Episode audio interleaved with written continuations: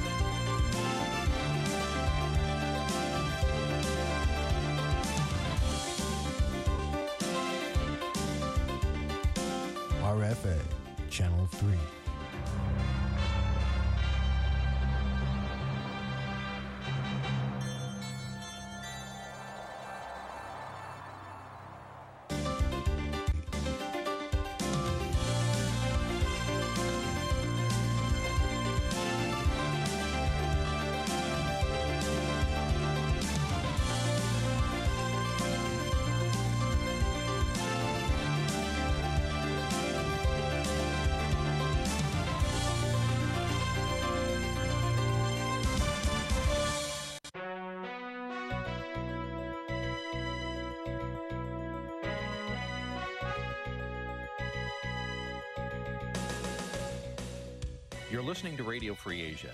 The following program is in Khmer.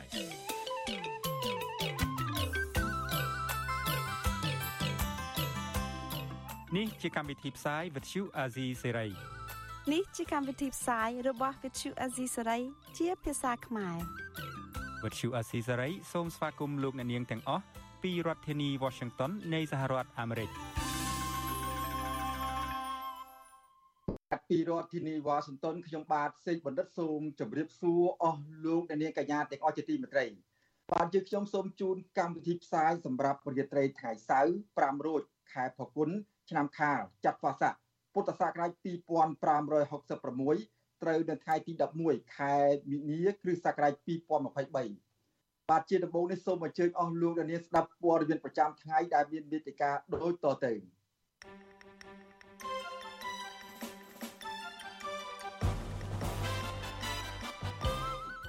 អ្នកវិភាគថាលោកហ៊ុនម៉ាណែតកំពុងដើរតួនាទីជំនួសលោកទាបាញ់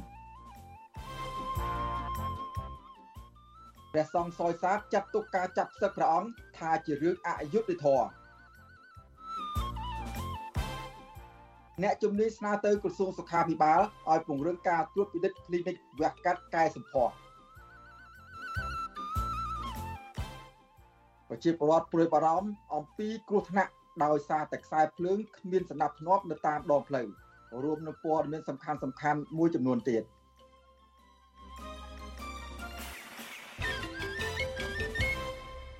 បាទជាបន្តទៅទៀតនេះខ្ញុំបាទសេកបណ្ឌិតសូមជូនព័ត៌មានពិស្ដាបាទលោកនាងកញ្ញាជាទីមេត្រីអតីតព្រះសង្ឃសយសាទដែលត្រូវអាជ្ញាធរនិងមន្ត្រីសង្ឃខេត្តបាត់ដំបងចាប់សឹកទាំងបង្ខំបានបញ្ញាចិត្តថា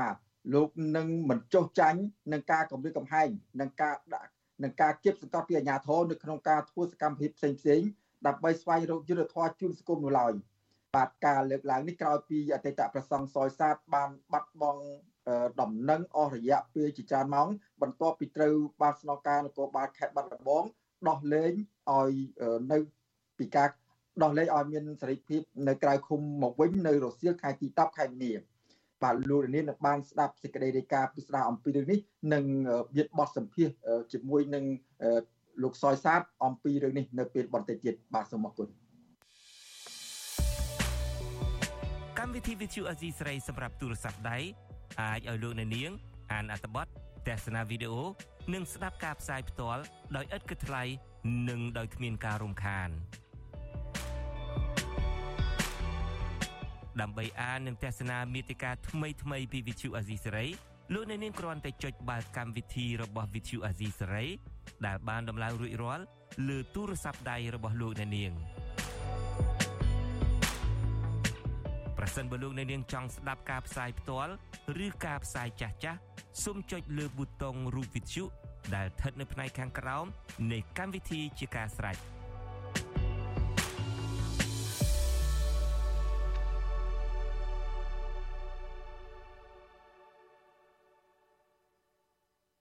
បាទលោកនាងកញ្ញាជាទីមេត្រីលោកនាងកំពុងតាមដានស្ដាប់ការផ្សាយរបស់វិទ្យុអស៊ីសេរីពីរដ្ឋធានីវ៉ាស៊ីនតោនសហរដ្ឋអាមេរិក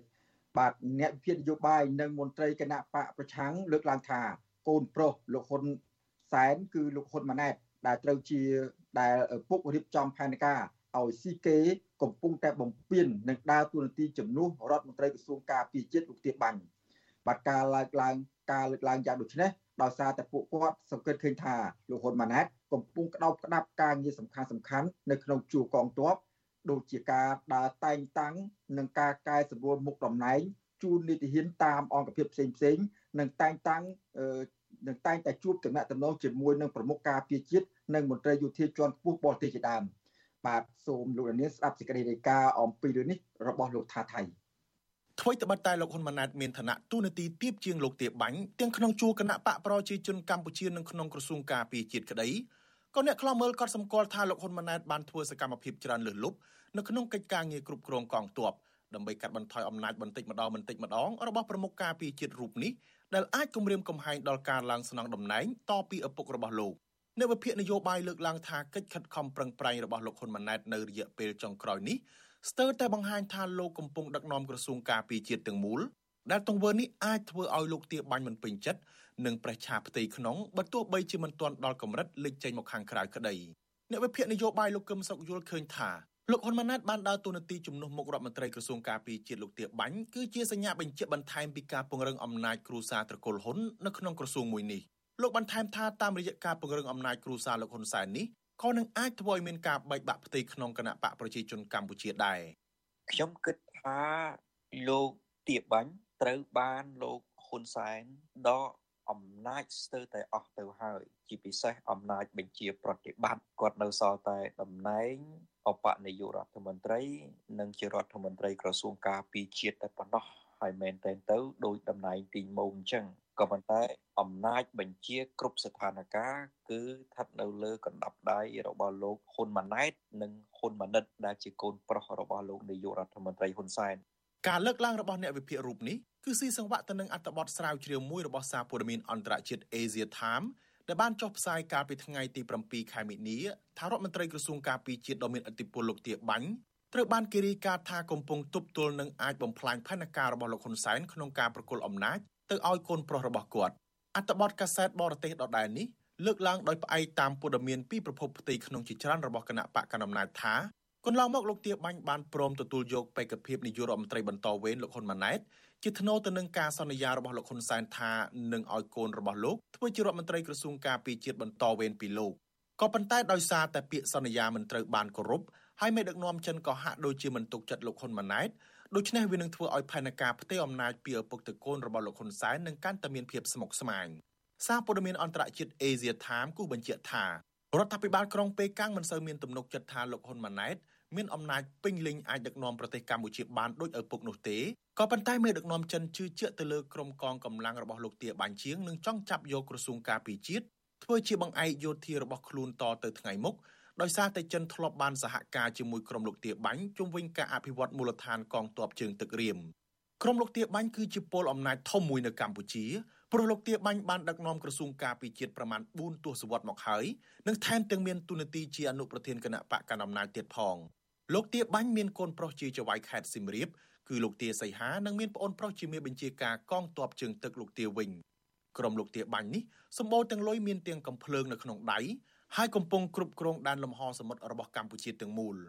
ក្រោយការចុះផ្សាយរបស់អត្ថបទសារព័ត៌មានបរទេសមួយនេះប្រធានស្ដីទីគណៈបកសង្គ្រោះជាតិលោកសំរងស៊ីបានបង្ហោះសារនៅលើទំព័រ Facebook របស់លោកជាបន្តបន្ទាប់ថា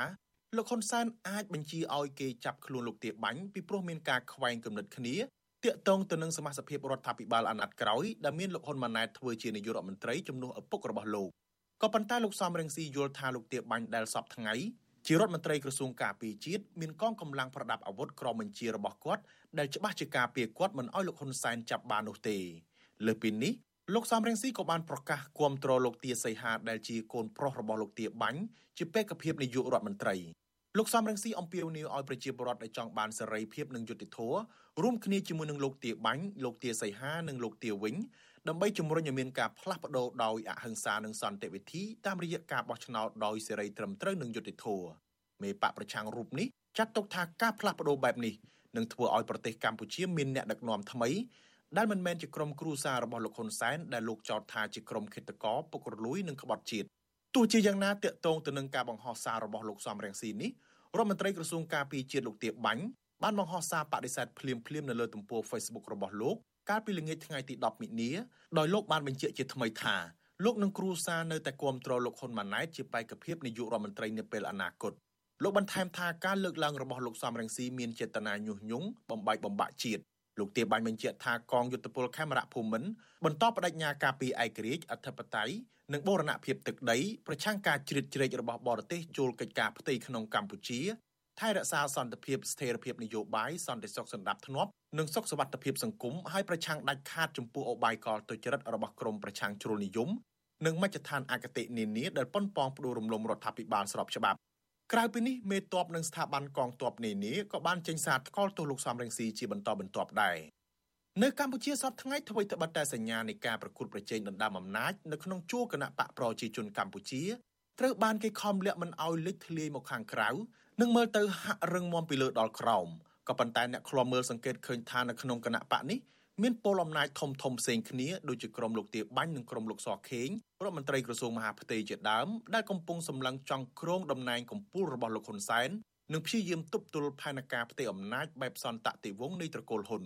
ថ្មីថ្មីនេះសូម្បីតែវិទ្យុ VOD ចុះផ្សាយអត្ថបទព័ត៌មានមួយដែលថាលោកហ៊ុនម៉ាណែតចុះហត្ថលេខាជំនួសរដ្ឋាភិបាលលើប្រាក់ជំនួយដល់ប្រទេសទូគីនោះ ធ្វើឲ្យលោកហ៊ុនសែននិងកូនប្រុសខឹងក្រោធយ៉ាងខ្លាំងនិងបានប្រោអំណាចទាំងបំពេញច្បាប់បិទវិទ្យុ VOD ទាំងកំរោលដោយចោទថាអត្ថបទព័ត៌មាននេះធ្វើឲ្យឈានដល់ការបែកបាក់ផ្ទៃក្នុងរបស់រដ្ឋាភិបាល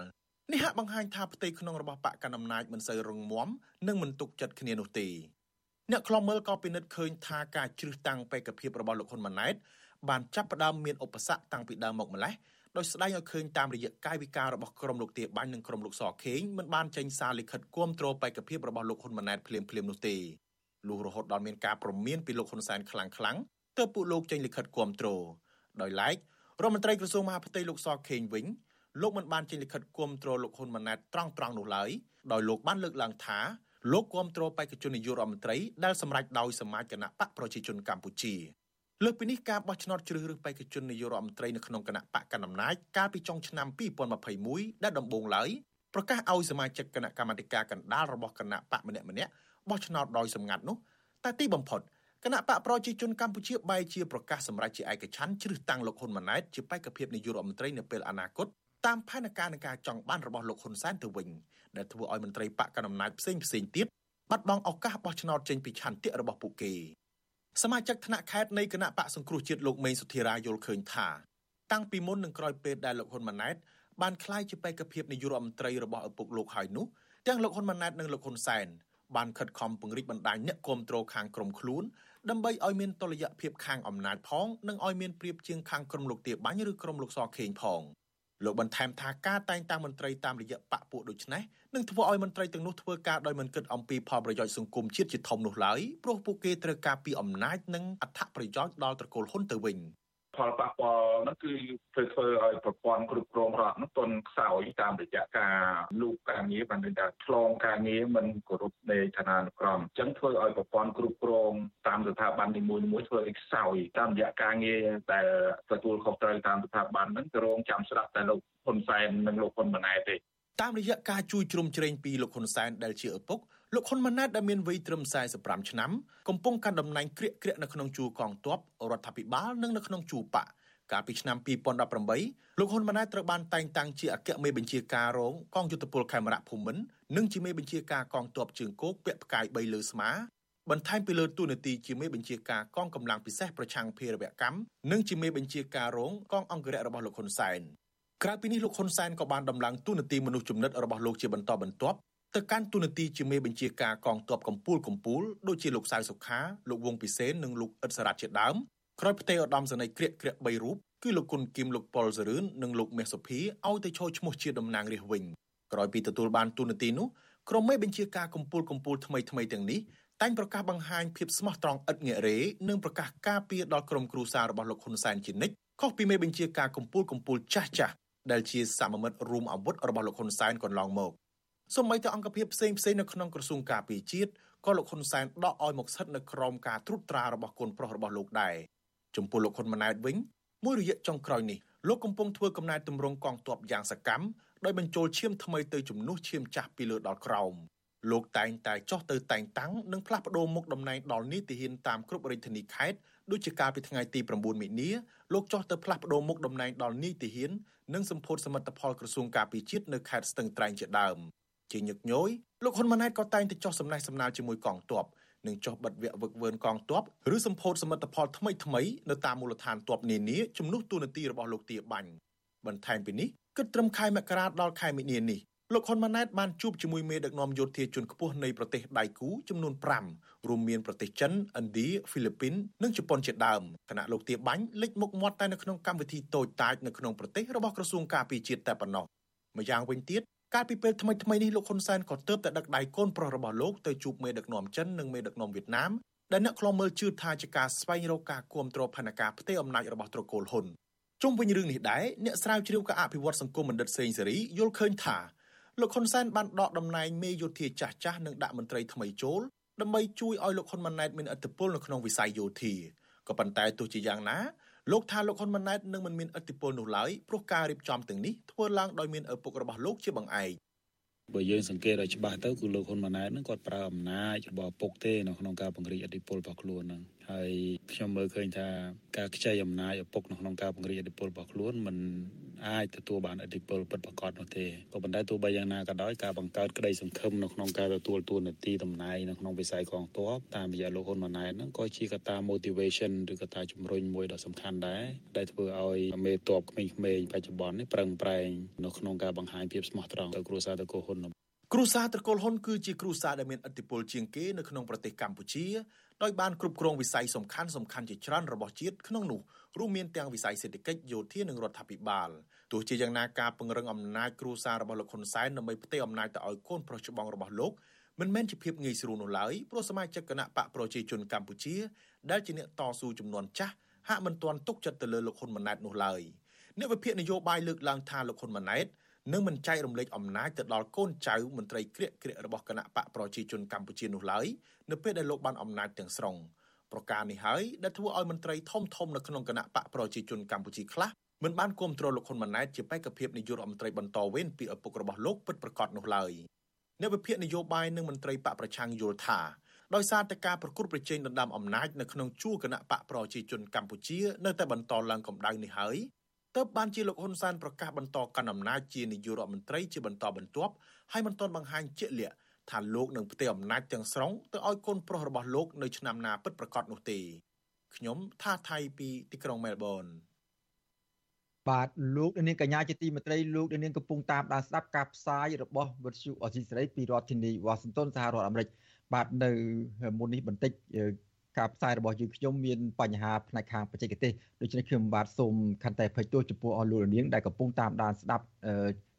ការផ្សាយរបស់វិទ្យុអេស៊ីរីសម្រាប់ប្រទេសត្រីនេះហើយយើងខ្ញុំសូមខន្តីចំពោះការរអាក់រអួលនៅចំណុចណាខ្លះដែលលោកនាងកំពុងតែទស្សនានៅពេលនេះបាទឥឡូវសេចរឿងបន្តដែលជម្រាបជូនអស់លោកនាងជាបន្តទៅទៀតនេះគឺយើងចង់ផ្ដោតទៅលើបញ្ហាគ្រោះថ្នាក់អគិភ័យដែលបណ្ដាលមកពីការទុកសេខ្សែភ្លើងឬមួយក៏មានការរៀបចំសំណាប់ធ្នាប់នៃការតបណ្ដាញភ្លើងនឹងមិនបានត្រឹមត្រូវបាទប្រជាពលរដ្ឋ ព្រួយបារម្ភពីសវត្ថភាព និងការប៉ះពាល់ដល់អាយុជីវិតរបស់ការរស់នៅ ដែល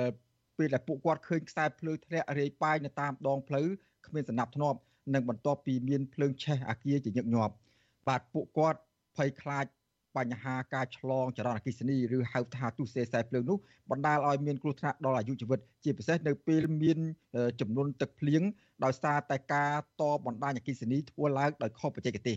បាទអ្នកជំនាញផ្នែកអគិសនីលើកឡើងថាការតបណ្ដាញអគិសនីគ្មានបច្ចេកទេសត្រឹមត្រូវអាចធ្វើឲ្យមានគ្រោះថ្នាក់អគិភ័យកើតឡើង បាទសូមទស្សនាសេចក្តីរាយការណ៍របស់លោកលេងម៉ាលីអំពីរឿងនេះដូចតទៅ thank you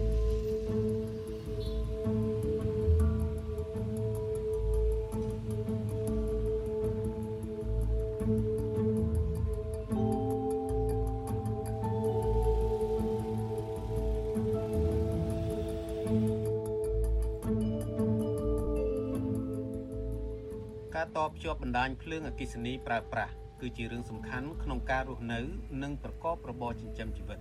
ក៏ប៉ុន្តែនៅកម្ពុជា បណ្ដាញខ្សែភ្លើង និងសំណង់អគារជាច្រើនត្រូវបានសាងសង់ឡើងធ្វេសប្រហែសនិងខ្វះខាតនៅការត្រួតពិនិត្យយកចិត្តទុកដាក់ពីអ្នកជំនាញបច្ចេកទេសភ្លើង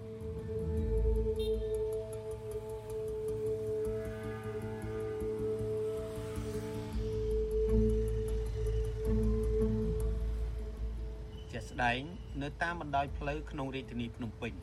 គេឃើញបង្គោលភ្លើងនីមួយៗណែនណាន់តាន់តាប់ទៅដោយខ្សែភ្លើងរត់ខ្វាត់ខ្វែងគោលើគ្នានិងមានបណ្ដុំខ្សែភ្លើងជាច្រើនដែលគេចងរុំចូលគ្នាដោយខ្សែអំបោះអ្នកជំនាញភ្លើងនិយាយថានេះជាឧទាហរណ៍មួយនៃការតខ្សែភ្លើងមិនត្រឹមត្រូវតាមបច្ចេកទេសពលរដ្ឋលក់ដូរតាមដងផ្លូវក្នុងរាជធានីភ្នំពេញម្នាក់គឺលោកស្រីលៀនសូភាឲ្យដឹងថា លោកស្រីព្រួយបារម្ភនៅពេលឃើញខ្សែភ្លើងនៅតាមបង្គោលភ្លើងធ្លាក់មករយិរយោគព្រោះលោកស្រីមិនដឹងថាវាមានចរន្តភ្លើងឬគ្មាននោះទេលោកស្រីបន្តថាសប្តាហ៍ថ្ងៃឲ្យតែឃើញមានភ្លៀងធ្លាក់មកម្ដងម្ដងលោកស្រីមិនហ៊ានលក់ក្បែរនោះទេលោកស្រីបារម្ភខ្លាចមានឆ្លងចរន្តអគ្គិសនីឬទុសេខ្សែភ្លើងកើតឡើង ដែលរំខានដល់ការលក់ដូរនិយាយទៅបើសិនជាមានភ្លៀងប្រងផ្ទះកន្លែងតំបន់មានខ្សែភ្លើងធ្លាក់ឬក្បែរពោភ្លើងនោះអត់ហ៊ានលក់ទេ ព្រោះខ្លាចព្រោះភេទច្រើនខ្ញុំអាសាមើលក្នុងទូទូអីក្នុងគេផុស Facebook អីវាមានផលផលប៉ះពាល់ដល់យុវជីវិតហ្នឹងព្រោះវាអាចឆក់ពីសូត្រដល់កន្លែងគេលក់បានព្រោះយើងលក់បែបពោភ្លើង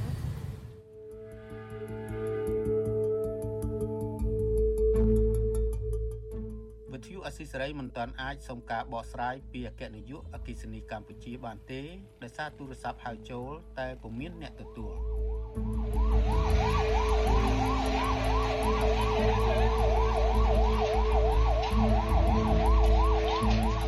កាលពីយប់ថ្ងៃទី28ខែធ្នូឆ្នាំ2022អគិភ័យដ៏ធំមួយបានឆាបឆេះកាស៊ីណូ Grand Diamond និងអគារប៉ោយប៉ែត Resort ស្ថិតក្នុងក្រុងប៉ោយប៉ែតខេត្តបន្ទាយមានជ័យអាជ្ញាធរអះអាងថាមូលហេតុដែលបណ្ដាលឲ្យឆេះបនលបែងទាំងពីរនេះគឺដោយសារការឆ្លងចរន្តអគ្គិសនីនៅទីតាំងជាន់ខាងក្រោម អគិភ័យនេះបានសម្លាប់មនុស្សចំនួន26នាក់អ្វីត្បិតតែធម្មពលអគិសនី ជាផ្នែកមួយនៃការរស់នៅ និងជាផ្នែកដ៏សំខាន់ក្នុងការអភិវឌ្ឍប្រទេសធម្មពលអគិសនីក៏អាចបង្កឲ្យមានគ្រោះថ្នាក់ដែរបើអ្នកប្រើប្រាស់គ្មានការប្រុងប្រយ័ត្នសាស្ត្រាចារ្យផ្នែកអគិសនីនៃវិទ្យាស្ថានពហុបច្ចេកទេសភូមិភាគដេជោសែនលោកដូចសរិទ្ធមានប្រសាសន៍ថា កត្តាដែលនាំឲ្យមានការឆ្លងចរន្តអគិសនី ឬទុសេខ្សែភ្លើង មានច្រើនកត្តា បើតាមជំនាញបច្ចេកទេសផ្ទាល់តែម្ដងមុនធ្វើការដំឡើងទី1យើងត្រូវមានប្លង់ទី2ឆ្លងកាត់ការកែនីទៅលើបន្ទុកប្រើប្រាស់ឲ្យបានត្រឹមត្រូវមុននឹងយើងដំឡើងបណ្ដាញគិសនីបន្ទាប់មកទៀតយើងធ្វើការកែនីមកកាត់ខ្សែគុណភាពល្អដូចហើយការកែនីនឹងត្រឹមត្រូវអស់ហើយគឺយើងផ្ដោតសំខាន់ទៅលើការរត់បណ្ដាញបាទរត់បណ្ដាញនឹងគឺត្រូវការជាងជំនាញផ្ទាល់បាទទៅការងារអគិសនីទៅមុខវាអត់មានបញ្ហាបង្កឲ្យមានបញ្ហាហានិភ័យថ្ងៃក្រោយអញ្ចឹងណាតាក់ទងជាមួយសម្ភារៈដែលយើងត្រូវចាប់នឹងយើងត្រូវស្គាល់សម្ភារៈច្បាស់គួរចាប់របៀបណាស្របតាមបច្ចេកទេសហើយអាចជំរើសចុងក្រោយនឹងគឺបណ្ដាញក្នុងអគារនឹងត្រូវតែមានប្រព័ន្ធខ្សែដីបូកជាមួយប្រព័ន្ធការពាររន្ទះរបាយការណ៍របស់នាយកដ្ឋាននគរបាលបង្ការពលរដ្ឋអគិភ័យនិងសង្គ្រោះក្នុងឆ្នាំ2022បានបង្ហាញថាគ្រោះអគិភ័យកើតឡើងជាង600ករណីនៅទូទាំងប្រទេសដែលបណ្ដាលឲ្យឆេះខូចខាតផ្ទះជិត700ខ្នង និងតូបលក់ដូរជាង100តូបមនុស្ស43នាក់ស្លាប់និងជិត60នាក់បានរងរបួសរបាយការណ៍ដដែលបញ្ជាក់ថា ភាគច្រើននៃគ្រោះអគ្គិភ័យនេះបង្កឡើងពីការផ្ទុះឆ្លងចរន្តអគ្គិសនីឬទុសេខ្សែភ្លើងខ្ញុំបាទលេងម៉ាលីវិទ្យុអស៊ីសេរីពីរដ្ឋធានី Washington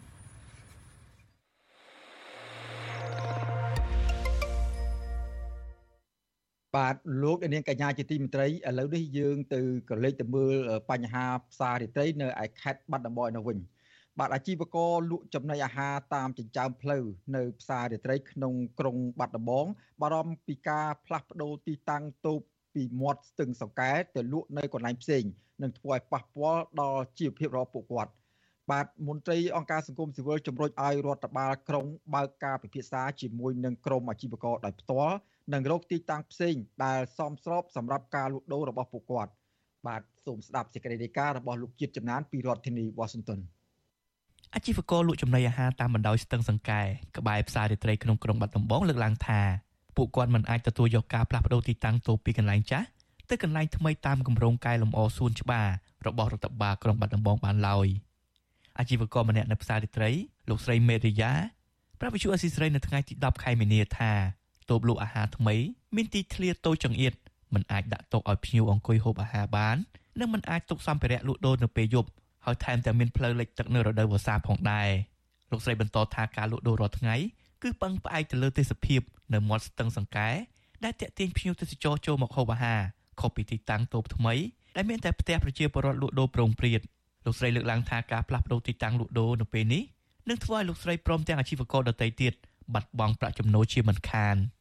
អូនិយាយពីរឿងពិបាកហ្នឹងវាហាជីជាងគេដេញយើងចោលហ្នឹងគេឲ្យទៅនៅហ្នឹងដូចនិយាយចឹងកន្លែង2ម៉ែត្រ4ជ្រុងកន្លែងទៅដាក់អីបានខ្លះហើយអត់មានសល់ទៅមុខទៅក្រោយហ្នឹងសល់តែផ្លូវដើរហ្នឹងសល់តែ1ម៉ែត្រហ្នឹងហើយចឹងឃើញហើយលក់អីកាធ្លាប់លក់តុក10 20ពេលមកអត់មានកន្លែងដាក់តុកហ្នឹងគិតមិនហើយយើងធ្វើម៉េចបើគេដេញយើងហើយហ្នឹងយើងទៅតវ៉ានៅណាតវ៉ាអីក៏មិនដែរបានដែរនេះអាជីវករម្នាក់ទៀតលោកទ្រើងរតឲ្យដឹងថាការលក់ដូរនៅតាមមាត់ស្ទឹងសង្កែ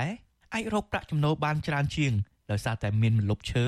និងទេសភាពមាត់ស្ទឹងដែលជាតំបន់តាក់ទាញភ្ញៀវទេសចរលោកថាក្នុងមួយថ្ងៃលោកអាចរកប្រាក់ចំណូលជាង100,000រៀលពីការលក់អាហារនៅទីនោះយកទៅដោះស្រាយជីវភាពប្រចាំថ្ងៃនិងសងធនាគារលោកបារម្ភថាការផ្លាស់ប្ដូរទីកន្លែងថ្មីអាចនឹងធ្វើឲ្យលោកប្រឈមនឹងបញ្ហាលុយកាក់និងការសងបំណុលជាមិនខាន។ ឲ្យលិខិតនឹងយើងឲ្យយើងហ្នឹងណា3ថ្ងៃថ្ងៃចុះលេខការទៅហ្នឹងឲ្យអស់ហើយថ្ងៃដើម្បីទៅកន្លែងហ្នឹងចំសួនសួនវិក្រិតណាហើយឲ្យយើងរងចាំខាងនោះធ្វើឲ្យហើយហើយនឹងការរងចាំហ្នឹងហើយតែអញ្ចឹងទៅទាំងអស់គ្នាហ្នឹងគឺគេមិនសប្បាយចិត្តទេបាទដំបងឡើយមានអាជីវករលក់ដូរនំបញ្ចុកនំប៉័ងបបរគុយទាវនិងចំណីអាហារផ្សេងទៀតតាមមាត់ស្ទឹងសង្កែត្រើយខាងលិចចំនួន28តូប ចាប់តាំងពីមុខសារមន្ទីរដល់សួននេកបាញ់ទឹកដោយបង់សេវាអនាម័យ20000រៀលនិងថ្លៃសន្តិសុខ10000រៀលជារៀងរាល់ខែលុះមកដល់ថ្ងៃទី10ខែមីនារដ្ឋបាលក្រុងបាត់ដំបងបានកំណត់ឲ្យអាជីវកររុះរើតូបលក់ដូរកន្លែងចាស់ក្នុងរយៈពេល3ថ្ងៃក្រុមហេតុផលថាកែលម្អទីតាំងផ្សាររាត្រីតាមមាត់ស្ទឹងសង្កែឲ្យคล้ายជាវិមានឯករាជ្យនិងសួនច្បារសម្ដេចក្រឡាហោមសខេងប៉ុន្តែមកដល់ពេលនេះអាជីវករថាពួកគាត់នៅមិនទាន់បានចាប់លេខតូប គណៈការសាងសង់រៀបចំកន្លែងលក់ដូរថ្មីមិនទាន់រួចរាល់នៅឡើយ។តកតទៅនឹងរឿងនេះវិសុអស៊ីសេរីមិនអាចតកតងអភិបាលក្រុងបាត់ដំបងលោកលៀងវាសនានិងអភិបាលខេត្តបាត់ដំបងលោកសុកលូដើម្បីសុំការបកស្រាយបានទេនៅថ្ងៃទី11ខែមីនាកន្លែងលក់ដូរថ្មីមានទីតាំងស្ថិតនៅខាងលិចការដ្ឋានសាងសង់វិមានឯករាជ្យតាមបណ្ដោយផ្លូវសួនចំបៃស្ថិតក្នុងភូមិកម្មកកសង្កាត់ស្វាយប៉ោដោយរដ្ឋបាលក្រុងសម្រាប់យកសួនចំបៃនៅកណ្ដាលក្រុងផ្លូវភ្លោះចិត្តវត្តដំរីស សាងសង់តូបចំនួន32ដោយក្នុងមួយតូបមានទំហំ2ម៉ែត្រ4ជ្រុងអាជីវករស្លប់បានស្នើមានការដំឡើងទ្វាររត់ដើម្បីទុកដាក់អីវ៉ាន់នៅពេលយប់និងសូមពង្រីកទំហំតូបពី2ម៉ែត្រទៅ3ម៉ែត្រវិញតែរដ្ឋបាលក្រុងអាចផ្ដល់ឲ្យត្រឹមតែ2ម៉ែត្រកន្លះប៉ុណ្ណោះរដ្ឋបាលក្រុងក៏បានសន្យាថានឹងជួសជុលផ្លូវតាមបណ្ដោយតូបថ្មីនោះដើម្បីកែប្រែមិនឲ្យមានទឹកលិចនៅរដូវវស្សាជុំវិញរឿងនេះ អ្នកសម្របសម្រួលកម្មវិធីផ្នែកខ្លំមើលការរំលោភសិទ្ធិមនុស្សនៃអង្គការលីកាដូប្រចាំខេត្តបាត់ដំបងលោកអិនគង្ជិតមានប្រសាសន៍ថារាល់គម្រោងអភិវឌ្ឍឬការកែប្រែរៀបចំសោភ័ណភាពក្រុងអាជ្ញាធរត្រូវពិភាក្សាជាមួយអ្នកដែលប៉ះពាល់ផ្ទាល់ដើម្បីស្វែងរកដំណោះស្រាយសមស្របទាំងអស់គ្នាលោកជំរុញទៅរដ្ឋបាលក្រុងបាត់ដំបងគួរជួបប្រជុំជាមួយក្រុមអាជីវករដើម្បីដឹងពីការចង់បានរបស់ពួកគាត់និងស្វែងរកទីតាំងសមស្របធំទូលាយសម្រាប់ការលក់ដូរ ជីវភាពនិងសេដ្ឋកិច្ចប្រាក់ចំណូលរបស់គាត់គឺរំពឹងលើការលក់ដូរតូចតាចនៅតាមមាត់ស្ទឹងពេលយប់ហើយដូច្នេះបើសិនជាបខំឲ្យគាត់រើរុះតូបទៅលក់ទីតាំងថ្មីគឺពួកគាត់អាចនឹងបាត់បង់ចំណូលដោយសារលក់ពុំសូវដាច់កាលពីចុងឆ្នាំ2022ប្រជាពលរដ្ឋនៅខេត្តបាត់ដំបងធ្លាប់ប្រតិកម្មនឹងរិះគន់ចំពោះការដែលអាជ្ញាធរខេត្តបានរុះរើ និងកាប់គាស់ដើមផ្កាចំបៃនៅលើសួនម្ដងរួចមកហើយដោយសារតែសួននោះគឺជាស្នាដៃបន្សល់ទុកពីអភិបាលខេត្តចាស់លោកអ៊ុងសម័យក្នុងអំឡុងឆ្នាំ1993ដល់ឆ្នាំ1999ដែលជាកន្លែងផ្ដល់ម្លប់សម្រាប់ពលរដ្ឋសម្រាប់និងដើរលំហែហាត់ប្រាណប្រជាពលរដ្ឋក្រុមអាជីវករនិងមន្ត្រីសង្គមស៊ីវិលលើកឡើងថា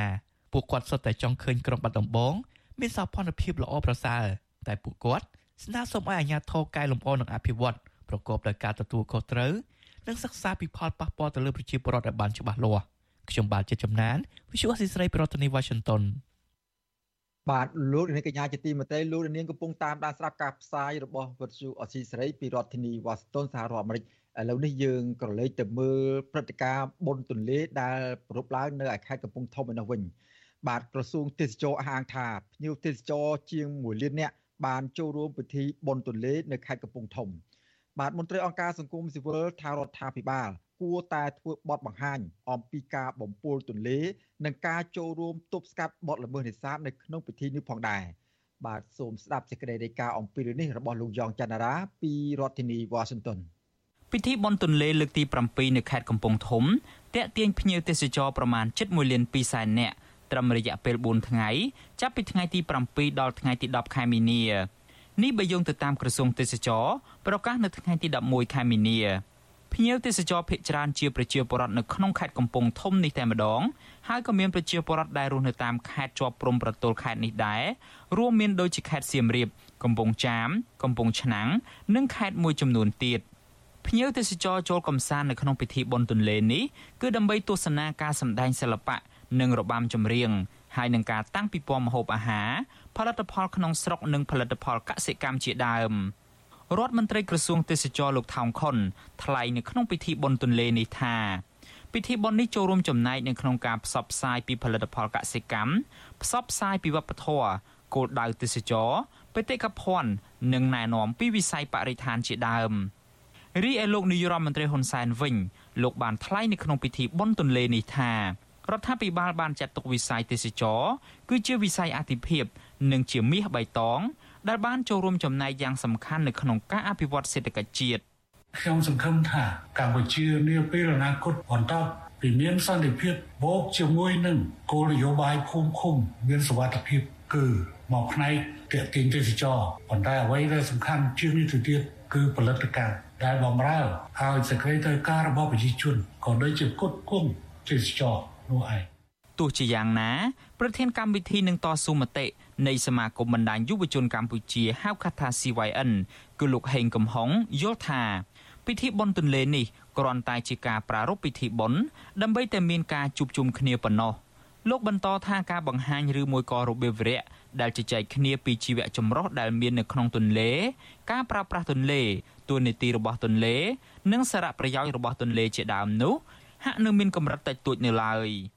ពិធីបុណ្យទន្លេនឹងគួរតែភ្ជាប់ជាមួយនឹងការផ្សព្វផ្សាយឲ្យបានទូលំទូលាយអំពីអត្ថប្រយោជន៍ទន្លេការចូលរួមទប់ស្កាត់បទល្មើសនេសាទហើយនឹងការផ្សព្វផ្សាយពីទូនាទីរបស់ពលរដ្ឋនិងសហគមន៍មូលដ្ឋានឲ្យស្វែងយល់ពីទន្លេហើយនឹងការចូលរួមទប់ស្កាត់សកម្មភាពទាំងឡាយណាដែលជាអតិមូលវិជ្ជមានដល់ទន្លេខ្ញុំគិតថាជារឿងល្អបាទជារឿងគួរតែត្រូវបានលើកទឹកចិត្តឲ្យធ្វើឲ្យបានទូលំទូលាយហើយជាពិសេសគឺការលើកយកផលិតផលកសិកម្មទៅមកភ្ជាប់ ពាក់ព័ន្ធទៅនឹងស្ថានភាពទន្លេបច្ចុប្បន្ននេះវិញប្រជានេសាទជាច្រើនគ្រួសារកំពុងព្រួយបារម្ភបាត់បង់មុខរបរក្រោយពីមានការចាក់ដីលុបពង្រីកចូលផ្ទៃទន្លេមេគង្គនៅតំបន់អរិយខ្សាត់កាលពីចុងឆ្នាំ2022កន្លងទៅប្រជានេសាទរស់នៅភូមិពោធំឃុំអរិយខ្សាត់លោកមុតសវីថ្លែងថាកន្លងទៅគ្រួសាររបស់លោកអាចនេសាទត្រីលក់បានប្រាក់ចំណូលចន្លោះពី100,000រៀលទៅ150,000រៀលក្នុងមួយថ្ងៃ ក៏ប៉ុន្តែក្រោយពីមានក្រុមហ៊ុនចាក់ខ្សាច់លុបទន្លេជាង1ឆ្នាំកន្លងទៅនេះពួកលោកបានបាត់បង់មុខរបរនេះទាំងស្រុងប្រជាពលរដ្ឋរស់នៅតាមបណ្ដោយដងទន្លេហាក់មិនពេញចិត្តទៅនឹងរដ្ឋាភិបាលនៅក្នុងការផ្ដល់សិទ្ធិទៅឲ្យក្រុមហ៊ុនឯកជន ចាក់ដីលុបទន្លេ ដើម្បីសាងសង់អគារខុនដូសម្រាប់តែផលប្រយោជន៍មនុស្សមួយក្រុមតូចនោះទេពីព្រោះវាបានបណ្ដាលឲ្យមានផលប៉ះពាល់ទៅដល់ប្រជាពលរដ្ឋជាច្រើន ដែលប្រកបមុខរបរនេសាទនិងដាំបន្លែបង្ការតាមបណ្ដោយច្រាំងទន្លេ អ្នកជំនាញផ្នែកបរិស្ថានសង្កេតឃើញថាបច្ចុប្បន្ននេះត្រីនិងលំហូរទឹកមិនសូវហូរច្រោះចេញពីទន្លេមេគង្គចាក់ចូលទន្លេសាបនោះទេ ពីព្រោះតែការចាក់ដីពង្រីកចូលទន្លេ ដើម្បីអភិវឌ្ឍទីក្រុងរណបបានធ្វើឲ្យប៉ះពាល់ដល់លំហូរពងត្រីនៃខ្សែទឹកខាងលើចាក់មកខាងក្រោមបង្កឲ្យត្រីរាប់រយប្រភេទមិនអាចបង្កកំណើតបានមន្ត្រីអង្គការសង្គមស៊ីវិលនៅតែស្នើយ៉ាងទទូចដល់រដ្ឋាភិបាល ឲ្យផ្សព្វផ្សាយពីសារៈប្រយោជន៍នៃទន្លេ ការទប់ស្កាត់បទល្មើសនេសាទនិងពិចារណាអំពីផលប៉ះពាល់នានាដល់ប្រជាពលរដ្ឋមុននឹងសម្រេចចិត្តផ្ដល់គម្រោងអភិវឌ្ឍណាមួយទៅឲ្យក្រុមហ៊ុនឯកជនខ្ញុំយ៉ងច័ន្ទដារាវិទ្យុអាស៊ីសេរី Washington បាទលោកនាងកញ្ញាជាទីមេត្រីឥឡូវនេះយើងក្រឡេកទៅមើលបញ្ហារបស់អតីតព្រះសង្ឃសយសាទបាទអតីតព្រះសង្ឃសយសាទគឺជាព្រះសង្ឃមួយអង្គគត់ដែល លះបង់ក្នុងការចូលរួមក្នុងដំណើរធម្មយាត្រាដើម្បីលើកកម្ពស់សិលធម៌សង្គមឥឡូវនេះកំពុងតែជួបបញ្ហាជាច្រើនដោយមានការចាប់សឹកពីអាជ្ញាធរនៅខេត្តបាត់ដំបងបាទអតីតព្រះសង្ឃសយសាទដែលត្រូវអាជ្ញាធរនិងមន្ត្រីសាលាខេត្តបាត់ដំបងចាប់សឹកទាំងបង្ខំបានបញ្ញាចិត្តថាលោកនឹងមិនចុះចាញ់ការគម្រាម ការគម្រាមកំហែងនិងការដាក់គៀបសង្កត់ពីអាជ្ញាធរក្នុងការធ្វើសកម្មភាពផ្សេងៗដើម្បីស្វែងរកយុត្តិធម៌សង្គមនៅឡើយបាទការលើកឡើងយ៉ាងដូចនេះក្រោយពីលោកសយសាទបានបាត់បង់ដំណឹងរយៈពេលជាច្រើនម៉ោងបន្ទាប់ពីត្រូវបានស្នងការនគរបាលខេត្តបាត់ដំបងដោះលែងមកវិញនៅរសៀលថ្ងៃទី10ខែមិនិនា បាទលោកសយសាទឲ្យដឹងថាក្រោយសមត្ថកិច្ចស្នងការនគរបាលខេត្តបាត់ដំបងដោះលែងដោយសារតែលោកមាន ផ្ទះសាច់ញាតិនៅក្នុងខេត្តបាត់ដំបងដោយសារតែលោកគ្មានផ្ទះសាច់ញាតិនៅក្នុងខេត្តបាត់ដំបងហើយក៏បានធ្វើដំណើរតាមរយន្តឈ្នួលទៅដល់ផ្ទះក្មួយស្រីនៅឯស្រុកឧដុង្គខេត្តកំពង់ស្ពឺដើម្បីធ្វើដំណើរមកជួបជុំនិងបានចូលរួមធ្វើធម្មយាត្រាជាមួយលោកបាទលោកសយសាទបន្ថែមថាធ្វើត្បិតតែពីនេះលោកខ្លាយជាក្រហោះវិញហើយក្តីក៏ប៉ុន្តែលោកនៅតែរក្សាសិល10និងមិនទទួលទានអាហារពេលល្ងាចឡើយរហូតលោកត្រូវបានអស់ជីវិត បាទលោកថានៅថ្ងៃខាងមុខលោកមានជំរឿសចំនួន2ដែលត្រូវបន្តសម្រាប់ជួយរកយុទ្ធធម៌សង្គមគឺទី1ព្យាយាមដើម្បីស្នើសុំបុស្សជាជាប្រសង់ឡើងវិញ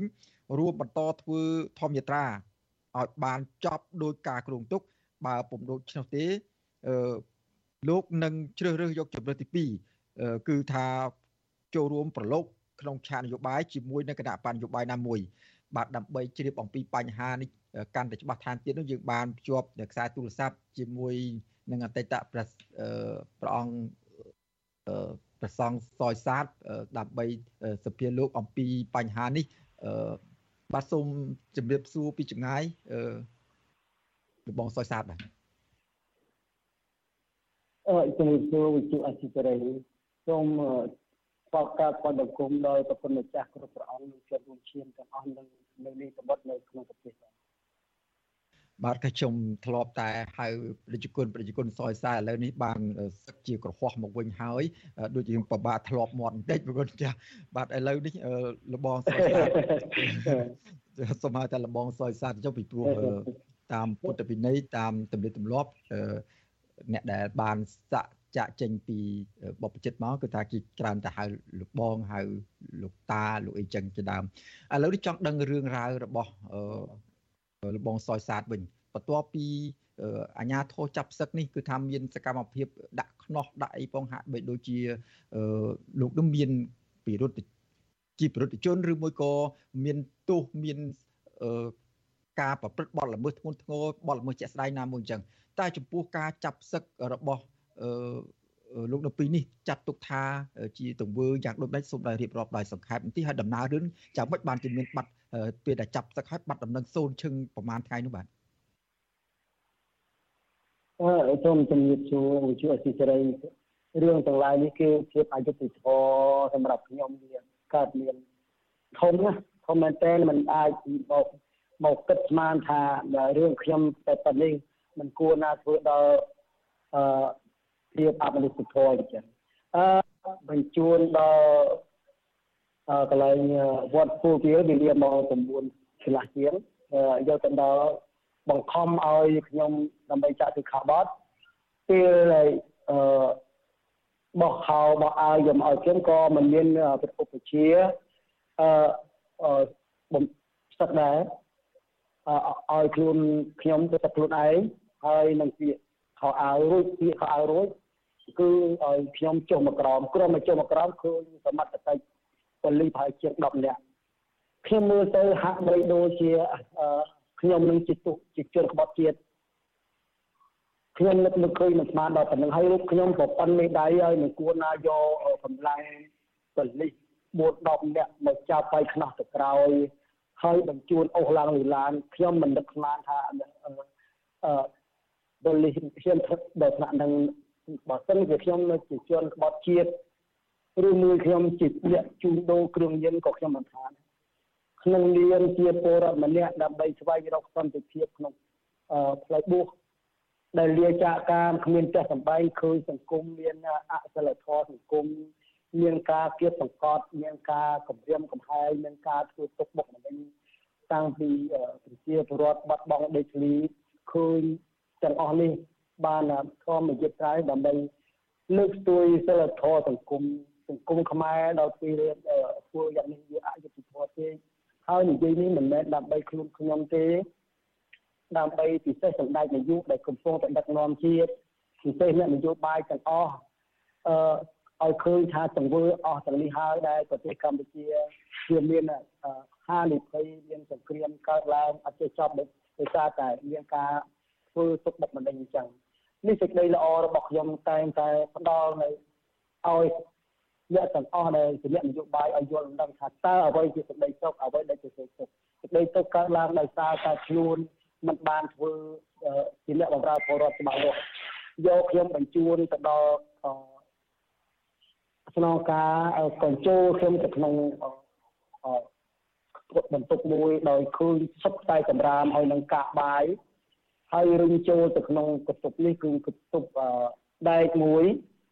ឲ្យខ្ញុំចូលទៅដេក គឺត្រជាក់រវាសម្បូរធ្វើដាច់សង្ហើមធ្វើនេះគឺអយុត្តិធម៌បំផុតបើសិនជាខ្ញុំជាអ្នកគ្រឿងយានឬមួយក្បត់ជាតិសំទៅរំខ្ញុំចូលក្នុងអានេះសម្រាមក្នុងកន្លែងឃុំឃាំងខ្ញុំមិនទៅចិត្តទេគឺសង្វេគសង្វេគសង្វេគមិនមែនសង្វេគខ្លួនចឹងទេខ្លួនចឹងស្លាប់ក៏ស្លាប់ទៅទៅសង្វេគអ្នកអឺមន្ត្រីរាជការដែលទទួលបន្ទុកផ្នែកសន្តិសន្តិសុខរដ្ឋភាពនេះអឺ លោកជាស្នងការនេះលោកមិនបានរៀបចំឲ្យខ្ញុំបានត្រឹមត្រូវបន្ទិញបានអីក៏ទុកកន្លែងណាមួយដែលដែលជាទីវាព្រមមិនទាន់រកឃើញបត់ល្មើសជាក់ស្ដែងណាមួយសម្រាប់អរគុណឥឡូវចង់ដោយសារតែពេលវេលាចង់សង្ខេបបញ្ហានេះបន្តិចដោយសារតែយើងក៏មិនមានពេលវេលាច្រើននោះចង់ថាមូលហេតុចុងក្រោយហេតុអីបានសម្រេចចិត្តដោះខ្នោះដៃចេញវិញហើយប្រឡែងលោកក៏មកមានសេរីភាពមកខាងក្រៅវិញនេះបាទ អឺឃើញថាបែបមានកម្រិតណាមួយពីប្រជាពលរដ្ឋហើយម្យ៉ាងទៀតការឃ្លាំមើលម្យ៉ាងទៀតសំខាន់បំផុតអង្គជួអសីសេរីបានផ្សព្វផ្សាយទៅម្យ៉ាងការប្រតិកម្មរបស់ប្រជាពលរដ្ឋធ្វើមកមកលើខ្ញុំដែលជាប្រសង់ដែលស្វែងរកខំធនវិភាពនឹងបានមានការផ្លាស់ប្ដូរដោះលែងបើតាមសម្ដីរបស់បរិយាញ្ញាទាំងពីរលោកគ្មានអធិស្ឋាននេះលោកដឹងតែចាត់ដាក់គុកកំណត់ 2ឆ្នាំទៅ5ឆ្នាំដែលបទល្មើសខ្ញុំគឺបង្កអសន្តិសុខក្នុងសង្គមធ្វើឲ្យសង្គមកលាខ្យល់ព្រោះរឿងចង់ដល់ពេលបោះឆ្នោតខ្ញុំនឹកឃើញថាខ្ញុំធ្វើនេះដើម្បីអីមិនមែនដើម្បីខ្លួនខ្ញុំដើម្បីគឺជាប្រមូលបាទបាទអឺឥឡូវនេះឃើញថាទោះបីជាពេលនេះលោកមានសេរីភាព នៅខាងក្រៅការគុំខាំងឲ្យក៏ដោយចុះក៏ប៉ុន្តែឃើញមិនវិលត្រឡប់ទៅកន្លែងវត្តនៅឯ នៅឯព្រៃមេតាធម្មជាតិឬមួយក៏ទៅខេត្តកំពង់ស្ពឺកន្លែងដើមនោះវិញឡើយទេគាត់ថាឥឡូវនេះបើតាមការឲ្យដឹងនោះថាកំពុងតែស្ថិតនៅក្នុងខេត្តពោធិ៍សាត់ហេតុអ្វីបានជាមិនវិលទៅកន្លែងដើមវិញហើយនៅខេត្តពោធិ៍សាត់នេះឬមួយក៏មិនជ្រើសរើសនៅជាមួយក្មួយដែលមានផ្ទះនៅឯសាលាខាងខេត្តកំពង់ឆ្នាំងនេះវិញបាទអឺខ្ញុំនឹងបានកំណត់ថាខ្ញុំនឹងទៅវិលទៅវិញប៉ុន្តែវិលទៅដើម្បីអឺសាងក្នុងសាថ្មី សូមដើម្បីអឺសារឈ្មោះសារថ្មីបើសិនជាការសូមមិនបានទេនឹងធ្វើការផ្លាស់ប្ដូរចិត្តណាមួយដើម្បីធ្វើនយោបាយបន្តទៀតបម្រើពលរដ្ឋបន្តទៀតមិនមិនឈប់ទេអឺលក្ខណៈនេះហើយដែលខ្ញុំតែនឹកក្នុងចិត្តថាខ្ញុំជាមនុស្សមួយដែលដែលមិនទទួលបានអយុត្តិធម៌គ្រប់បែបគ្រប់យ៉ាងតាំងពីកើតមករហូតដល់បច្ចុប្បន្ននេះឃើញថាគឺទុកបុកម្នេញរហូតមកហើយខ្ញុំត្រូវតែមានចិត្តមួយដើម្បី ស្ដារនៅអ្វីដែលខ្មែរបាត់បង់ហើយអ្នកនយោបាយតែងធ្វើអ្វីដែលมันมันមានភាពច្បាស់លាស់បំរើប្រជាពលរដ្ឋខ្លួនឯងហើយម្យ៉ាងទៀតខ្ញុំនឹងធ្វើអ្វីដែលខ្ញុំបន្តបន្តទៀតម្ល៉េះហើយថ្ងៃទី20នេះគឺមានព្រឹត្តិការណ៍មួយកើតឡើងនៅក្នុងខេត្តកំពង់ស្ពឺដែរដោយសារតឡាការកោះហៅរឿងដីធ្លីមួយទៀតហើយបាទបាទអឺខ្ញុំខ្ញុំបាទ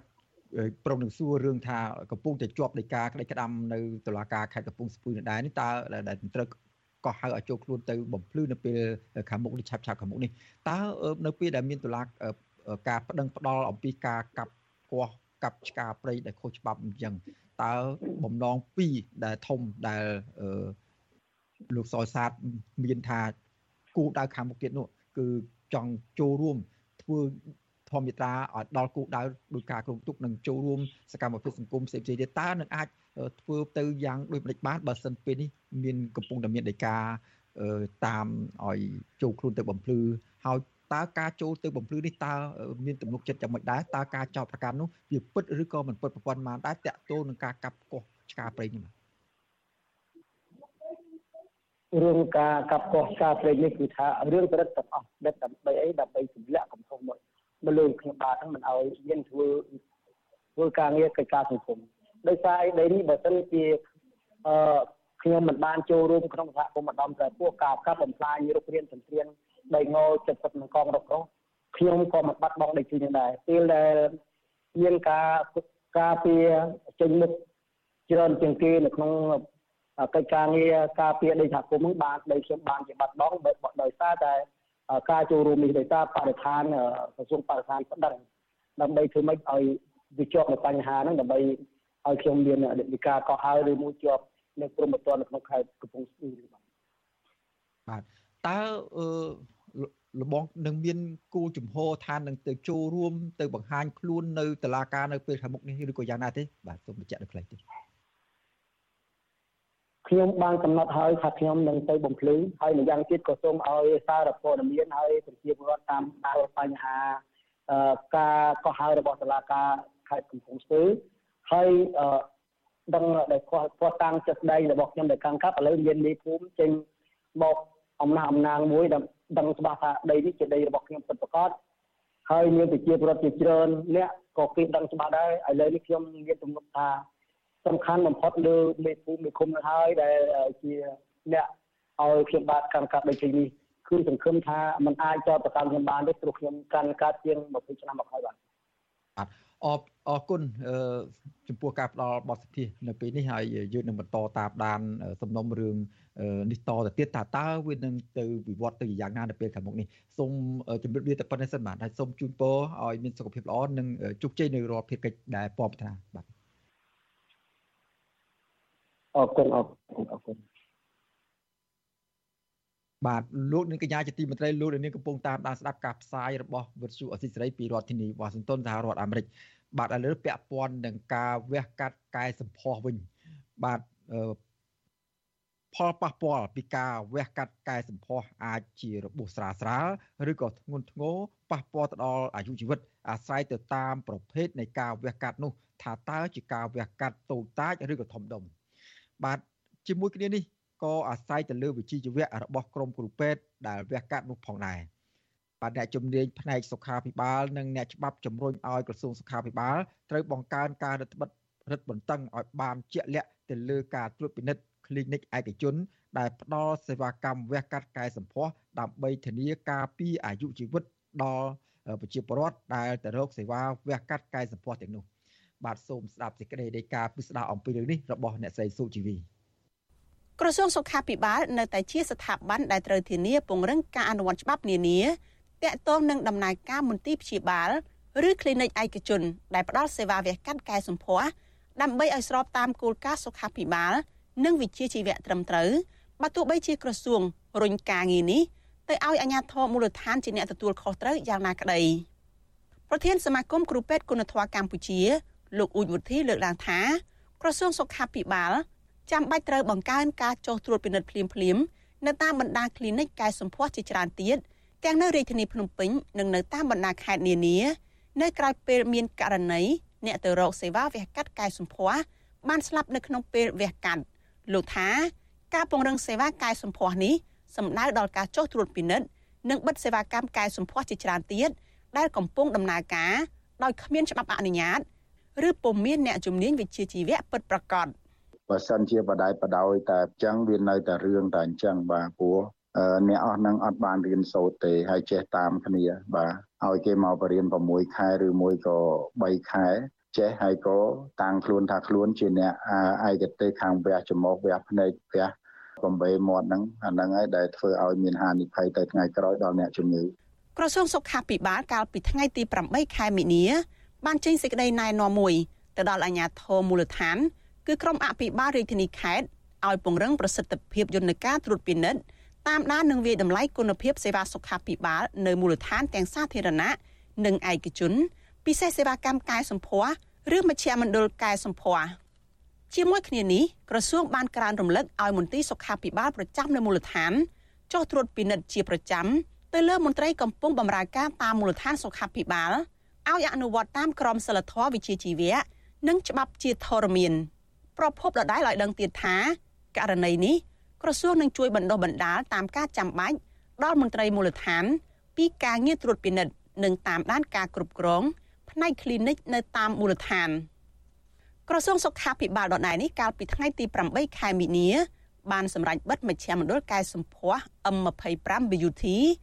ដែលមានទីតាំងនៅក្នុងសង្កាត់ស្រះចកខណ្ឌដូនពេញរាជធានីភ្នំពេញ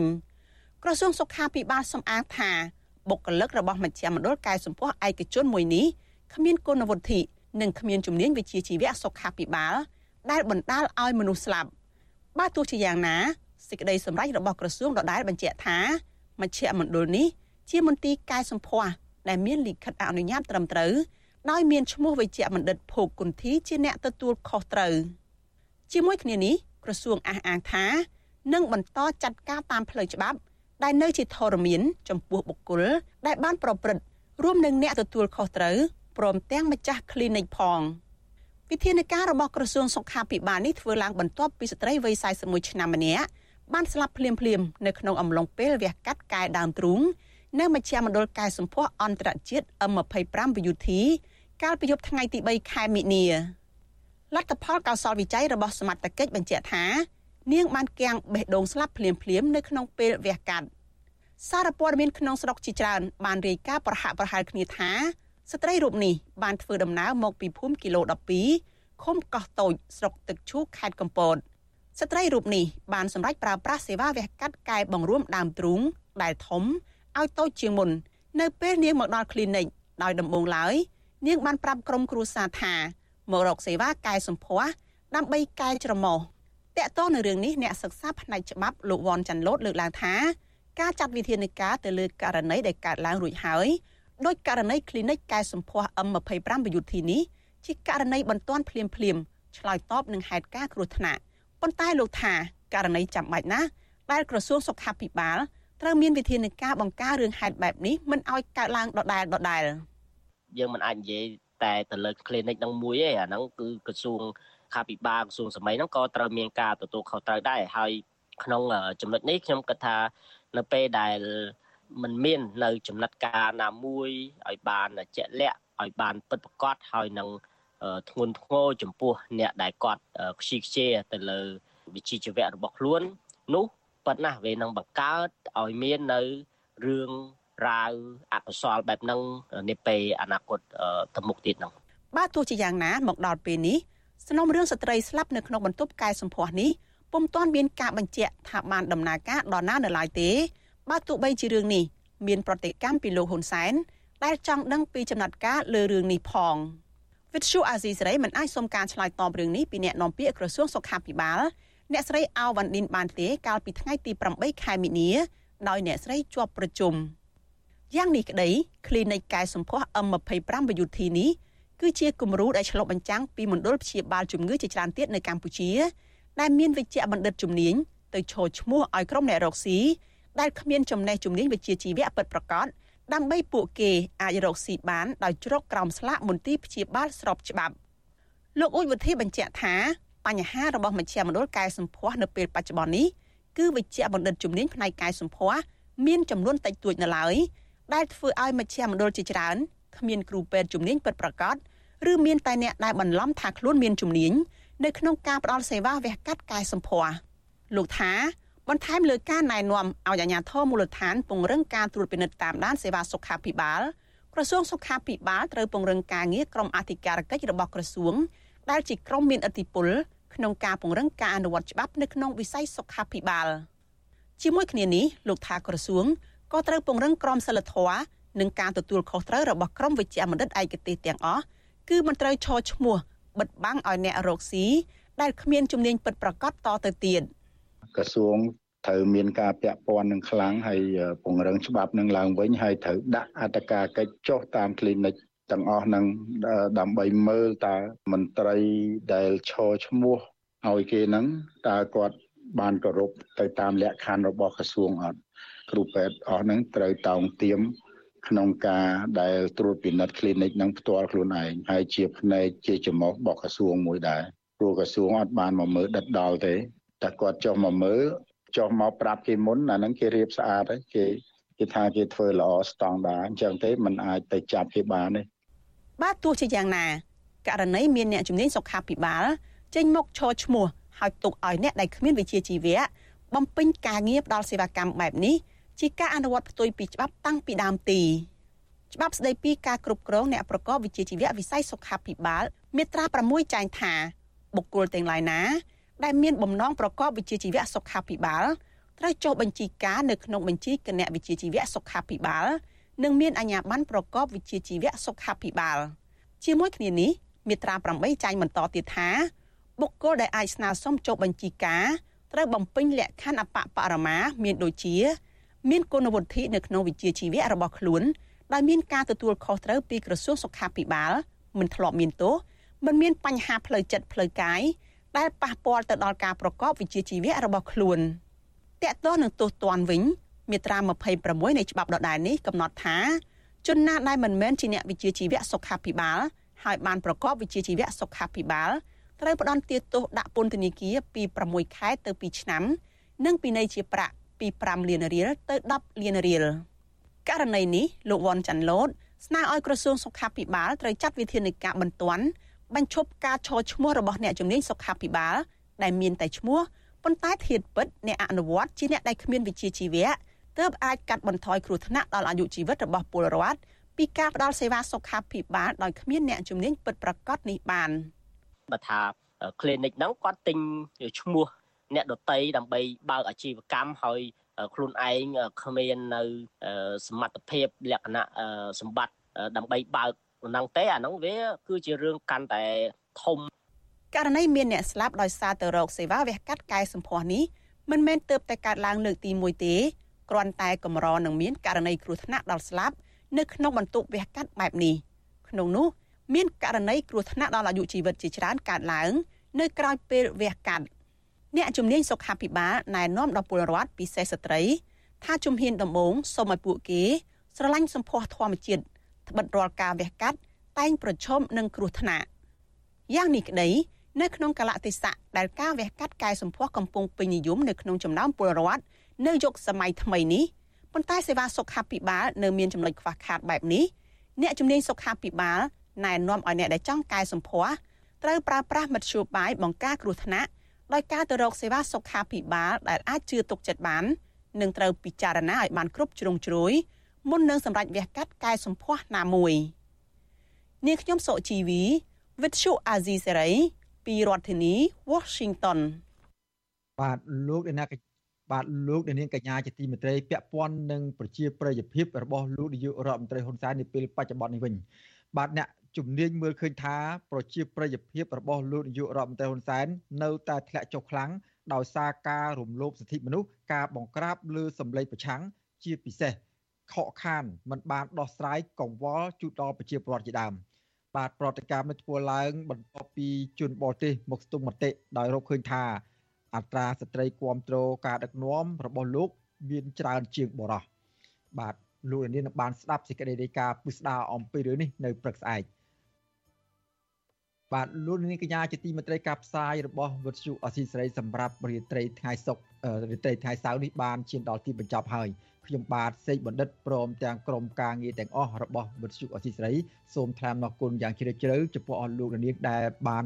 គ្រប់គ្រងនិងតាមដានស្ដាប់ការផ្សាយរបស់យើងតាំងពីដើមរហូតរៀងមកបាទហើយសូមជូនពរអស់លោកនាងឲ្យជួបប្រកបតែនឹងសេចក្តីសុខចម្រើនរុងរឿងកំបីគ្លៀងគ្លេឡើយខ្ញុំបាទសូមអរគុណនិងសូមជម្រាបលា បាទរាត្រីសួស្តី